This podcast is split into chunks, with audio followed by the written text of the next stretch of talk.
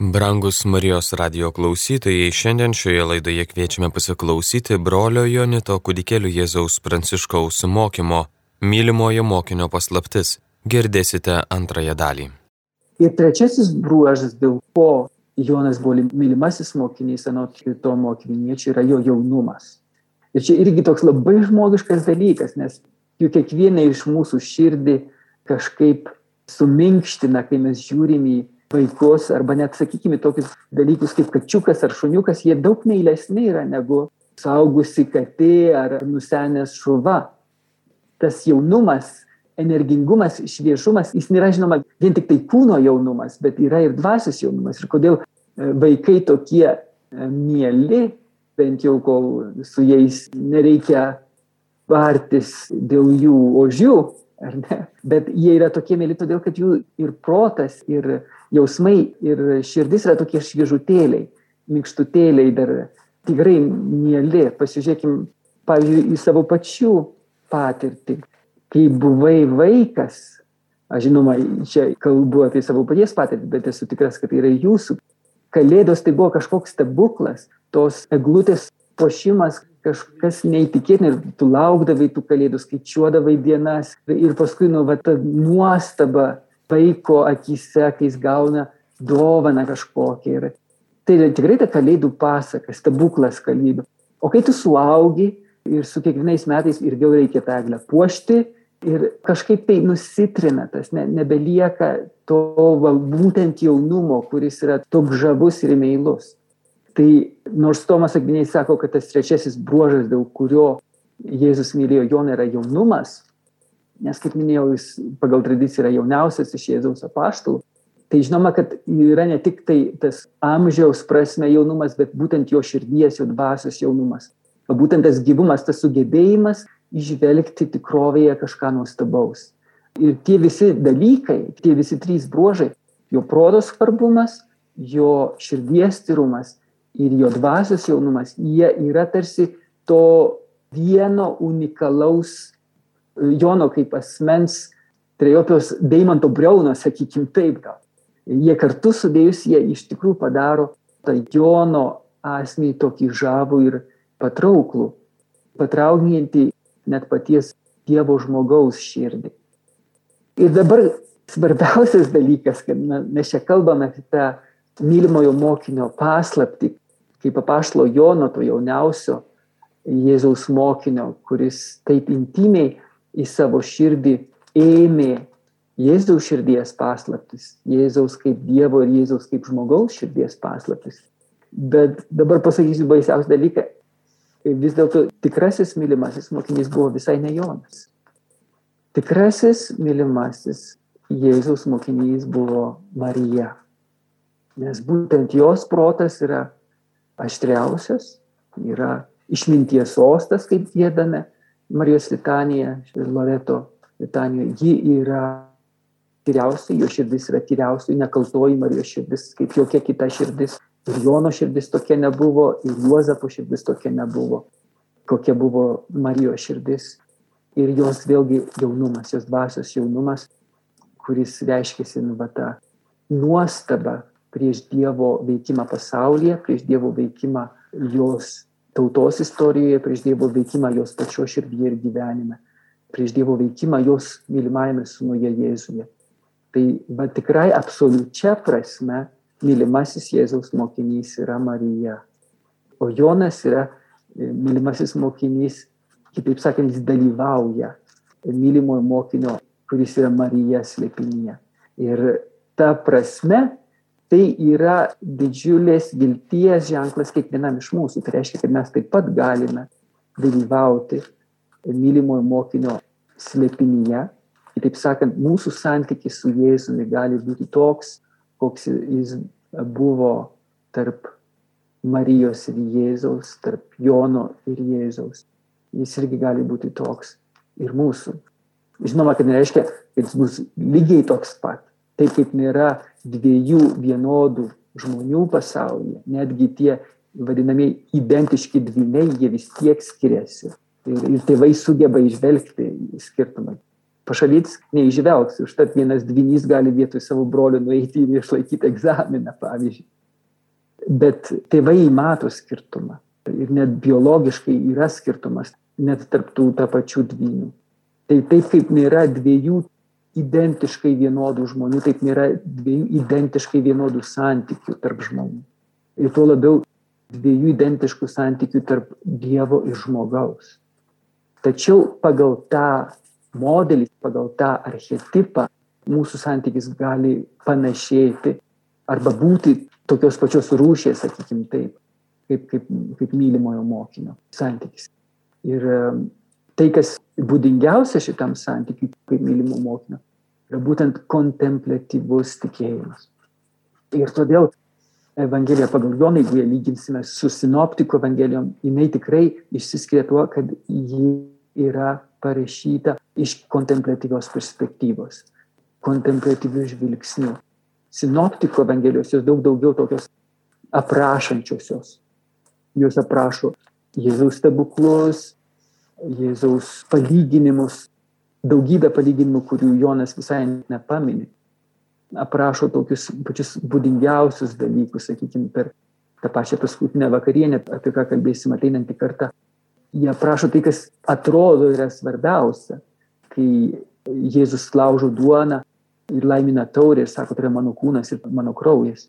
Visi trys sinoptikai, evangelistai pasakojo šitą vietą paskutinės vakarienės. Jonas apie tai nekalba. Bet jis per ištisus skyrius aprašo tai, ką Jėzus sakė per tą paskutinę vakarienę. Ko sinoptikai visai nemini. Visas tas istorijas apie vynmedį ir šakeles, apie paraklėtą, apie šventą dvasę, globėją ar guodėją. Ne vienas iš kitų evangelistų nei žodžio apie tai. O Jonas ištisus skyrius aprašinėja tai, ką Jėzus kalbėjo per paskutinę vakarienę.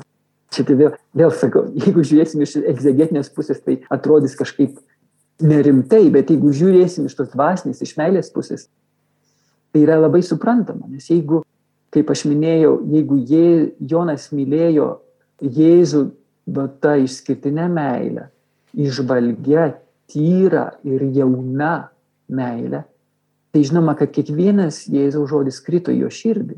Ir ten buvo nešiojamas dešimtmečius, nes kaip žinom, kaip girdėjom iš praėjusių paskaitų, Jono Evangelija buvo parašyta vėliausiai, kai Jonas jau buvo tikrai garbaus amžiaus, jis vienintelis apaštalas pagal tradiciją mirė savo mirtimi, sulaukęs beveik šimtų metų. Ir visus tuos metus jis nešiojo tuos žodžius.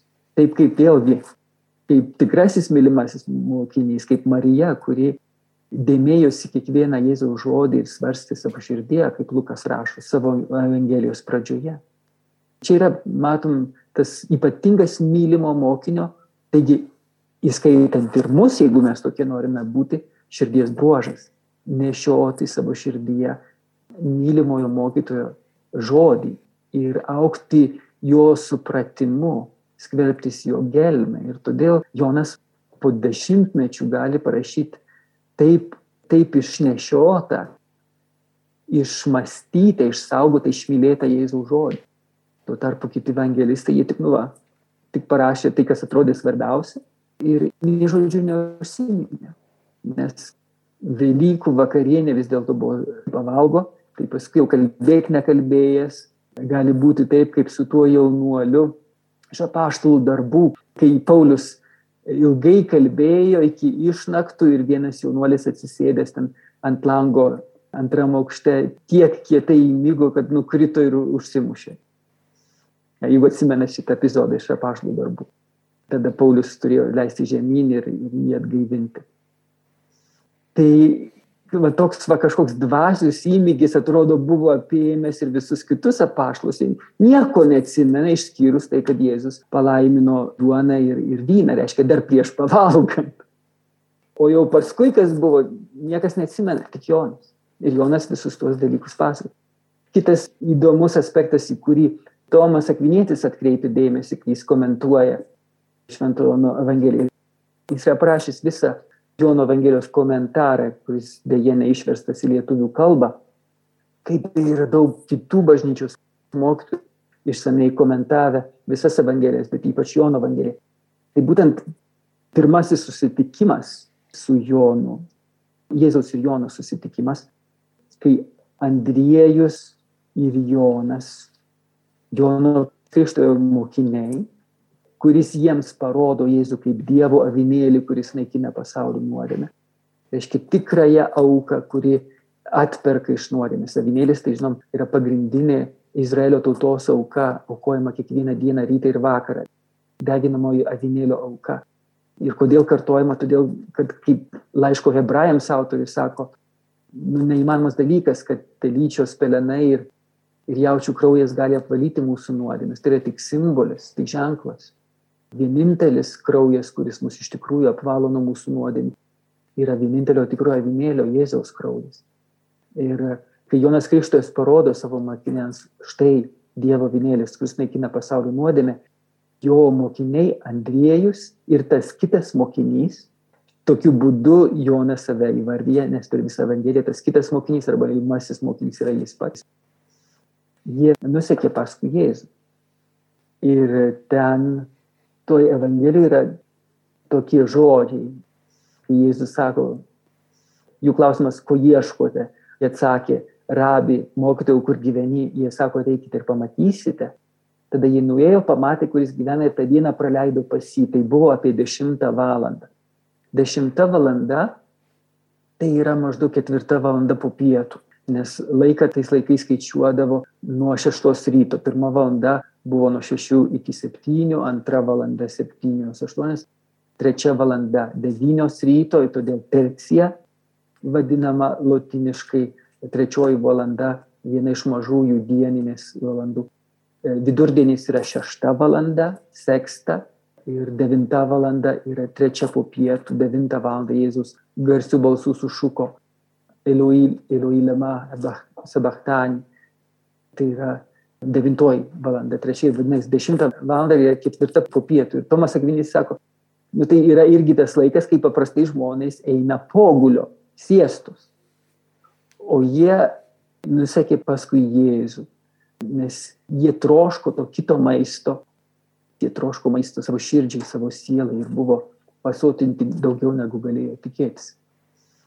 Vėl kitas pavyzdys apie Jono santyki su Jėzumi, kurį taip brangino Jėzus Jone, mes jį galime rasti Evangelijoje pagal Luką. Nes čia vėl, jeigu žiūrėsim iš egzegezės perspektyvos, nu, tai yra kažkokia juokinga hipotezė, bet jeigu mes žiūrim iš dvasinės pusės, kaip sakiau, iš, iš meilės pusės, tai jie skamba labai rimtai. Evangelijoje pagal Luką 11 skyriuje yra kartą Jėzus vienoje vietoje meldėsi. Jam baigus maldą vienas mokinys paprašė, taip įdomiai vėl, vienas mokinys, kaip pats Jonas save įvardyja Jono Evangelijai. Viešpatai išmokyk mus melstis, kaip ir Jonas išmokė savuosius mokinius. Jisai žinojo, kad Jonas mokė savuosius mokinius melstis. Kodėl? Nes tai buvo jo paties patirtis, vadinasi, jis tikrai buvo irgi Jono Krikšto mokinys. Ir ta viena vieta tradicijoje yra labai gerai žinoma, kas esate buvę Šventojo žemėje, Jeruzalėje, ant alyvų kalno yra tokia grota, uola, kurioje dabar pastatytas karmelitų vienuolynas. Jis vadinasi Pater Noster, tėvė mūsų latiniškai. Nes pagal tradiciją būtent toje vietoje, toje grotoje, po dienos Jeruzalėje Jėzus su mokiniais sugrįždavo nakvoti ir ten toje grotoje jis išmokė ir tos tėvė mūsų maldos, ten kalbėjo apie pasaulio laikų pabaigą, visos tos jo kalbos pagal tradiciją yra būtent toj vietoj. Ir todėl tas vienuolynas vadinasi Paternoster, e, jo vidinėme kiemelėje yra tėvė mūsų malda išdėliota mozaikomis, visomis, visomis kalbomis. Nu, ne visomis, daugybę kalbų, įskaitant ir lietuvių kalbą. Ir dar tais laikais, kai, kai dar buvo, dabar mums atrodo labai senoviškai skambanti. Ne visiškai taip, kaip mes šiandien melžiamės tėvę mūsų. Taigi šitoj vietoj Jėzus meldėsi, jis be abejo meldėsi jau vakare, jau po sunkios dienos. Kiti mokiniai garantuotai ruošė vakarienę ant laužo, ar ne? Tiesiog ilsėjusi po ilgos sunkios dienos. O Jėzus meldėsi. skamba labai įprastai, nes kiekvieną kartą Jėzus vakare meldžiasi vienas kažkur ant kalno, ar tyruose, arba kaip, kaip šičia šitojo loje. Tai va, kiti ilsisi, bet vienas mokinys žiūri į mokytoją. Kodėl? Todėl, kad jį myli ypatingu būdu. Ir jo širdis trokšta pažinti, patirti savo mokytojo širdies paslapti. Ta didžiausia sūnaus paslapti tai yra jo santykių ryšys su tėvu. Ir būtent dėl šito Jono, nes, nu, va, kaip jau suprat, iš dvasinės perspektyvos žvelgiant, mes tikrai galime atpažinti, kad dėl šito Jono proto svarbumo, jo širdies tyrumo, jo dvasios jaunumo mes, mes gavome kaip paveldą sunaus širdies paslapti, jo santyki su tėvu, tėve mūsų malda. Jėzus tarė jiems, kai melsite, sakykite, tėve mūsų, esi šventas tavo vardas. Ir būtent šitas aspektas iš Luko Evangelijos, vėlgi kitas patvirtinimas būtų, kad Lukas savo Evangelijos pradžioje rašo, kad jisai stengiasi išsiaiškinti iš patikimiausių šaltinių apie tai, kas įvyko. Ir remdantis tai šaltiniais parašė savo Evangeliją. Tai kas yra patikimiausias šaltinis, žinoma, Marija pirmiausiai. Todėl mes turime Jėzaus vaikystės skyrius pas Luką ir mylimasis mokinys, kuris pasiėmė Mariją pas save po Jėzaus kryžiaus. Tai žinoma, kad jėdu buvo Luko šaltinis. Jeigu Marijos jau nebebuvo šio žemėje, tada Jonas, kuris be abejo toliau buvo mokomas Marijos. Nes Marija buvo Jėzaus mokinė 33 metus, o kiti apaštai tik 3 metus. Tai žinoma, kad paskui po Jėzaus prisikėlimo ir dangun žengimo iki Marijos dangun įmimo, jie kartu gyveno Efeze, ten, kur iki šiol tebėra namelis, Marijos namelis Mirjan Mana, tai, tai žinoma, kad Marija toliau perteikinėjo tas Jėzaus širdies paslaptis, kurias jinai pati buvo prieimusi iš Jėzaus, būtent Jonui, kuris jai buvo atiduotas Jėzaus kaip sunus, kaip mylimasis sunus. Bet apie tai daugiau pakalbėsim jau ateinantį kartą, nes šitas epizodas yra būtent ant kryžiaus paskutinės Jėzaus minutės. Ir tikrai labai, labai gražus, gilus santykis ten išreikštas. Bet kaip sakiau, apie tai pakalbėsim daugiau už savaitės. O dabar tada laikas klausimams.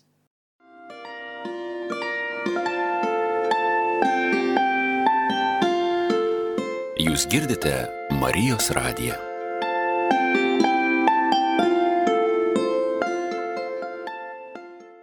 Tai galit net pasakyti, galbūt kas jums buvo įdomu, kas jums buvo nauja, kas galbūt palėtė jūs. Tai irgi, manau, būtų toks atbulinis ryšys, kuris labai svarbus.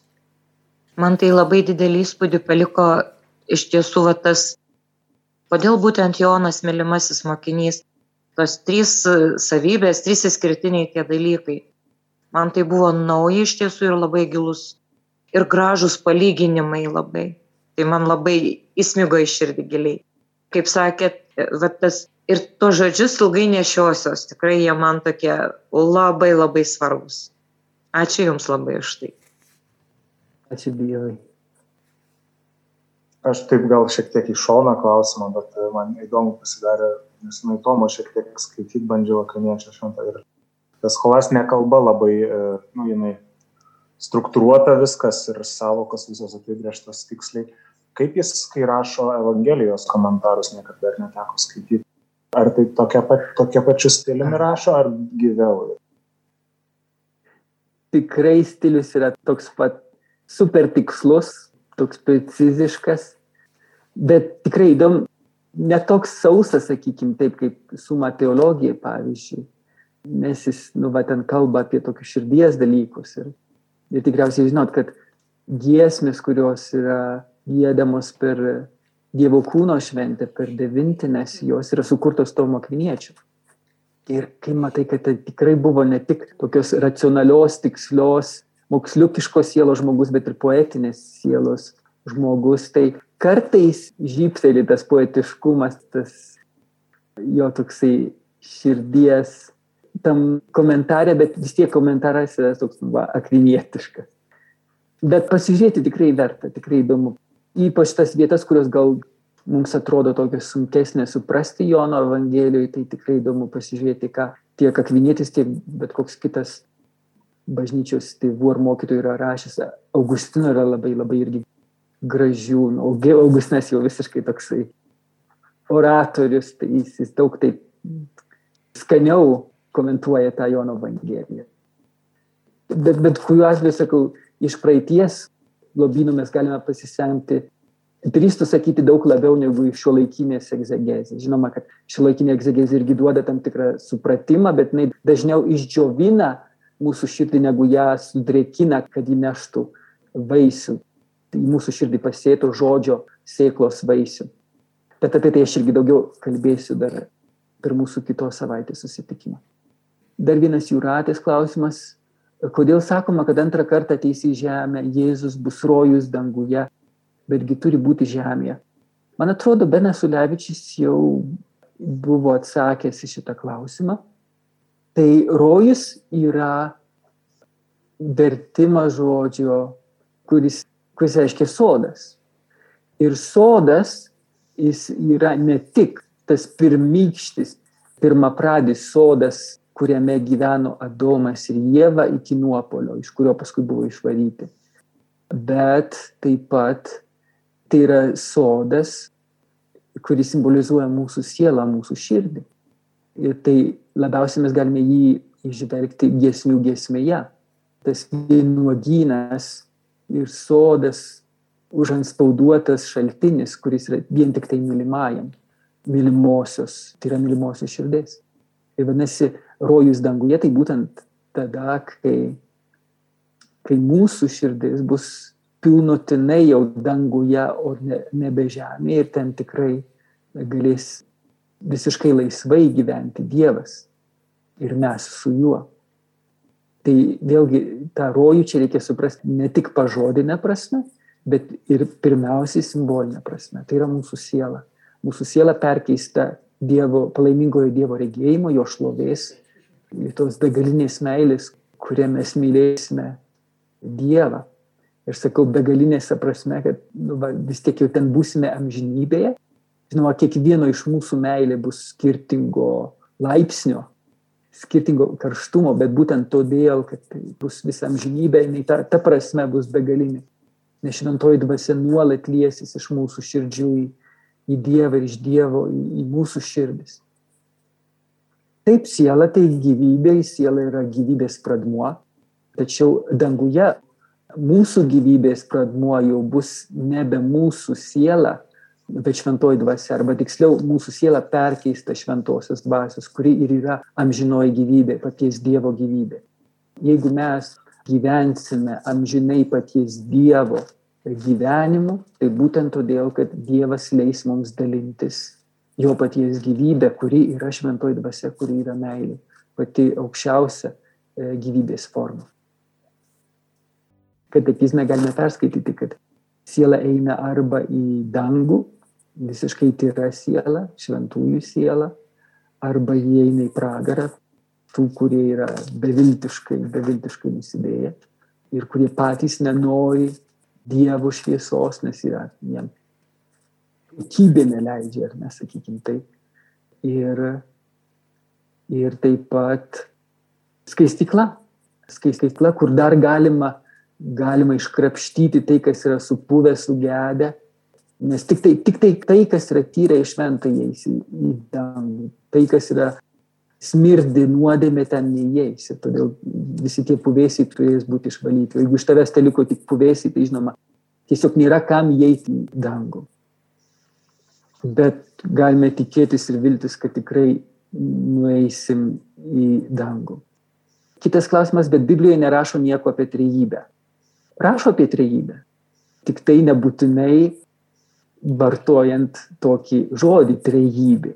Pavyzdžiui, Aristotelis graikų vienas didžiausių filosofų, jisai niekur savo raštuose nevartoja termino asmuo. Bet jeigu jūs paskaitysit jo raštus, jis ištisai kalba apie asmenį, nes jam tai yra įdomiausia tikrovė. Taip kad tas faktas, kad nėra termino, dar nereiškia, kad nėra minima tikrovė.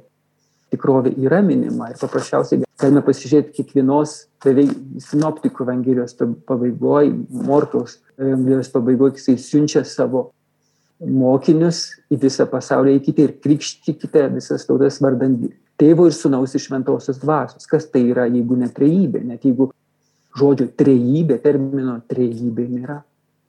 Rolandas klausia apie bet į dangų einama po paskutinio teismo dienos. Po paskutinio teismo dienos mes į dangų eisim jau su mūsų prikeltų kūnų. Bet iki paskutinio teismo arba visuotinio teismo dienos yra dar taip pat, jeigu pasižiūrėsite katalikų bažnyčios katekizme, tas partikuliarinis arba kaip čia lietuviškai, man atrodo, asmeninis, gal taip, individualus teismas, kuriuo siela teisė save Dievo šviesoje, Dievo teismas yra nekas kita, tai pačios sielos savęs teisimas Dievo šviesoje.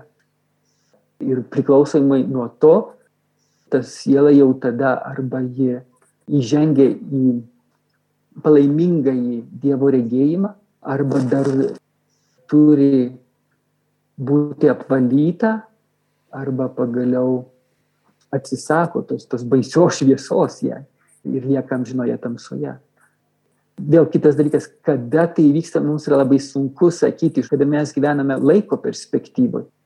Tuo tarpu Dievas gyvena amžinybei. Ir um, tai, kas yra amžinybė, mes, mes net negalim suvokti. Galima tiesiog gal tokį palyginimą, aš dažnai duodu tokį palyginimą, kad laikas yra sudarytas iš begalinės sekos ribotų akimirkų. Viena akimirka prasideda ir baigėsi. Ir kai jinai nuplaukia, jinai tampa praeitim. Ši akimirka, dabarties akimirka yra, yra čia esanti, bet jinai tuoj pat jau prasideda ir pasibaigia. Ir ateina kitos akimirkos ateities, jos visos yra ribotos. O amžinybė būtų kaip viena vienintelė akimirka, bet kuri neturi ribų. Ir todėl čia toks atsakymas ir kitą tokį klausimą, kur žmonės sako, bet tai nuobodžiausime mes tam danguje, ką mes ten veiksim visą amžinybę. Amžinybė. Tai va, atsakymas yra, jeigu tai yra viena vienintelė akimirka, kuri neturi ribų, jeigu yra meilės, laimės akimirka, nu, tai kaip tu gali nuobodžiauti per tą akimirką. Tai va, žiūrint iš tos akimirkos, vėl labai sunku pasakyti, kada konkrečiai žiūrint iš mūsų laiko perspektyvos vyksta tas individualus teismas ir paskutinysis teismas. Tai gali būti toj pačioj amžinybėj, toj pačioj akimirkoj, kur, kaip sakiau, yra viena, viena ta pati. Nes Dievo ir mūsų praeitis, pati giliausia praeitis iki pat pasaulio sukūrimo ir ateitis, pati tolimiausia ateitis iki pat visatos atnaujinimo, perkeitimo yra dabar, tai yra dieviškasis dabar, jam viskas yra dabar. Vadinasi, jam iš jo, iš Dievo perspektyvos žiūrint ir tas individualus teismas ir paskutinis teismas yra dabar. Ir mūsų, sakykime, laikas skaistykloje, jeigu teks ten būti, daug dievė, kad tiesiai į dangų visi nueitume, tai jis daug, daugiau gal, galima būtų ne laiko kategorijomis aprašyti, bet trukmės. Ką tai reiškia? Sakykime, kai praleidi valandą su labai įdomiu ir mylimu ir brangiu žmogumi, tai ta valanda pralekia kaip akimirka. Bet kai tu sėdi su kokiu nors neįdomiu žmogumi, šnekančių visiškai neįdomius dalykus, tai išsitempia ta valanda kaip, va, kaip amžinybė, sako žmonės. Tai kažkas panašaus yra subjektyviu sielos potyriu to laiko skaistyklų. Ten gali atrodyti kaip amžiai, nors vėlgi iš Dievo iš Dievo perspektyvos žiūrint, tai yra tai kaip akimirka. Žodžiu, tai yra dalykai, apie kuriuos mes galime tik tai teologuoti, jeigu taip galima pasakyti, bet kaip iš tikrųjų ten yra, tai mes pamatysim tik tai, kai ten nueisim. E, dar vienas klausimas, koks galėjo būti amžiaus skirtumas tarp Jono ir Jėzaus kaip žmogaus.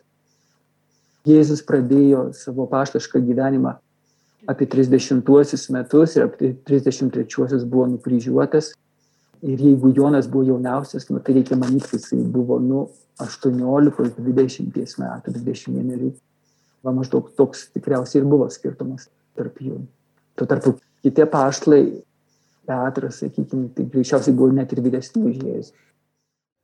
Brangus Marijos radio klausytojai, šioje laidoje klausėmės brolio Jonito kūdikėlių Jėzaus Pranciškaus mokymo, mylimojo mokinio paslaptis. Girdėjome antrąją dalį.